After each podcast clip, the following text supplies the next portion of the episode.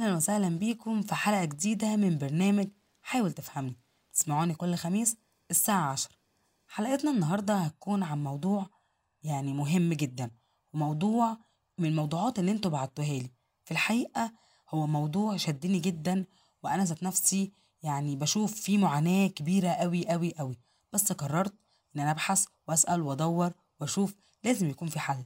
طب هل فعلا لقيت حل؟ هو أنا فعلا لقيت حل. والحلول إن شاء الله بإذن الله تجيب نتيجة. موضوعنا النهاردة هيكون عن العصبية أثناء المذاكرة.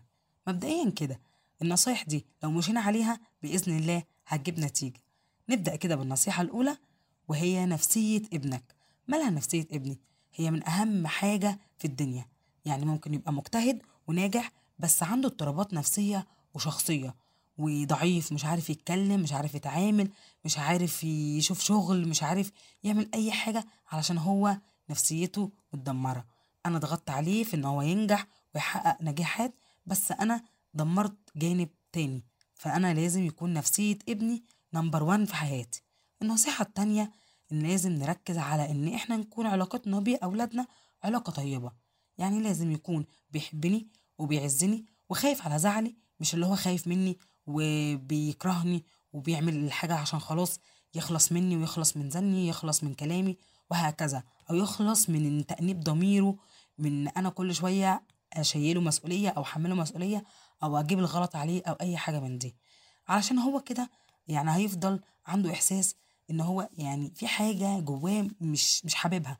وأنا كده يعني سبت له رصيد من إن هو يكرهني ما يحبنيش ما يبقاش بيعمل حاجة حب بيعملها كده وخلاص.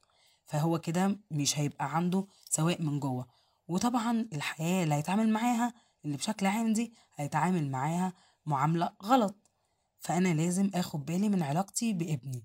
النصيحة الثالثه وأنا اتكلمت عنها قبل كده إن كل طفل ليه فروق فردية في التعلم والشخصية والذكاء.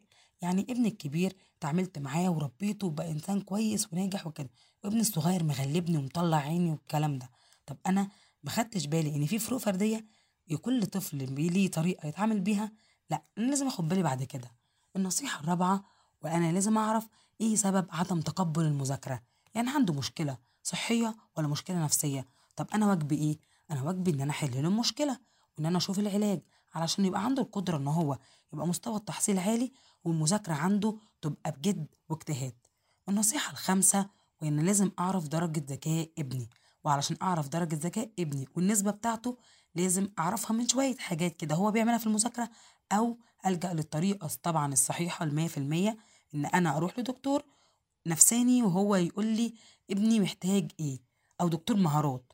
اختبار ذكاء طبعا بيبقى خاص بالطفل وعمره وكل حاجة ويعرف نتيجة الاختبار ابنك قدر استيعابه إيه أو ذكائه إيه أو كده. وطبعا يبقى الأسلوب اللي أنت تتبعيه معاه هو أسلوب خاص بيه في المذاكرة أو في أي حاجة تانية. النصيحة السادسة وانك تقبلي ابنك بكل قدراته وتتعاملي على الأساس بتاعه مش الأساس بتاعك أنت. على قدر توقعاته وعلى قدر حبه للحاجة مش على قدر أنت عايزة هو يبقى إيه أو يوصل لإيه. فده أنا اتكلمت فيها برضو قبل كده ولازم ناخد بالنصيحة دي برضو.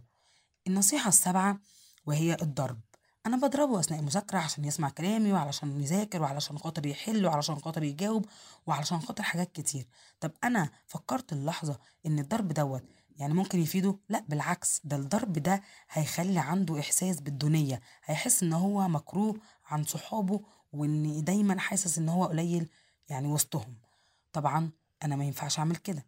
النصيحة التامنة وإنك تعرفي وقت ابنك في المذاكرة. يعني ابني مثلا بيذاكر ساعة ساعتين ثلاثة فأنا لازم أعرف يعني بيذاكر قد إيه وأخليه ياخد break لازم ياخد break علشان يحس إن ال break اللي خده ده يقدر يفصل ويقدر يكمل بعدها تاني. النصيحة التاسعة وهي المذاكرة باللعب. والمذاكرة باللعب دي أنا طريقة مجرباها يعني حلوة جدا جدا. الطفل بيحب المذاكرة وبيستوعبها جدا وبيقبل عليها وهو اللي بيبقى عايز لأن في لعب في مرح في سعادة بتحصل من عن طريق المذاكرة وهيحبها جدا. وخاصة ليكي برضو انت لو عندك ضغوطات ولا عندك أي حاجة وبدأتي تلعبي مع ابنك هتحسي بإن النفسية إيه يعني هديت شوية. بدل ما تطلع عليه العقد وتطلع عليه العصبيه من خلال خناقات من أي حاجة بتحصل. النصيحة العاشرة وهي قرار إنك ما تتعصبيش في البداية خالص.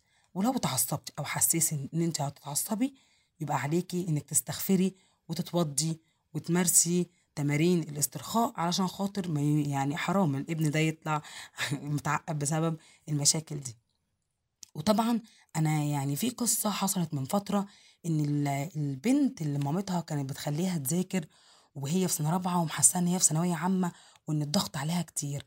فطبعا اتعصبت عليها في المذاكرة وضربتها على دماغها. البنت يعني في المستشفى أو يعني تعبت وحالتها بقت صعبة ويعني يقال إن هي توفت. فأنا ليه أوصل ابني أو بنتي للحالة دي؟ ليه يعني؟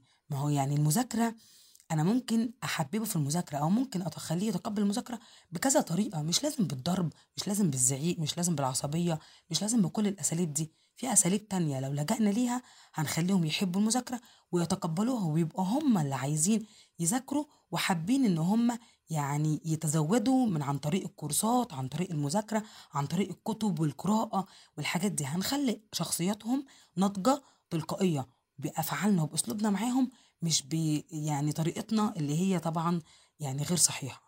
فأنا بتمنى بجد إن إحنا يعني ننفذ النصايح دي وبإذن الله محدش هيعاني في أي حاجة مع الأولاد. ودمتم بسعادة وكان معكم أمنية عماد من راديو شيزوفرينيا. سلام.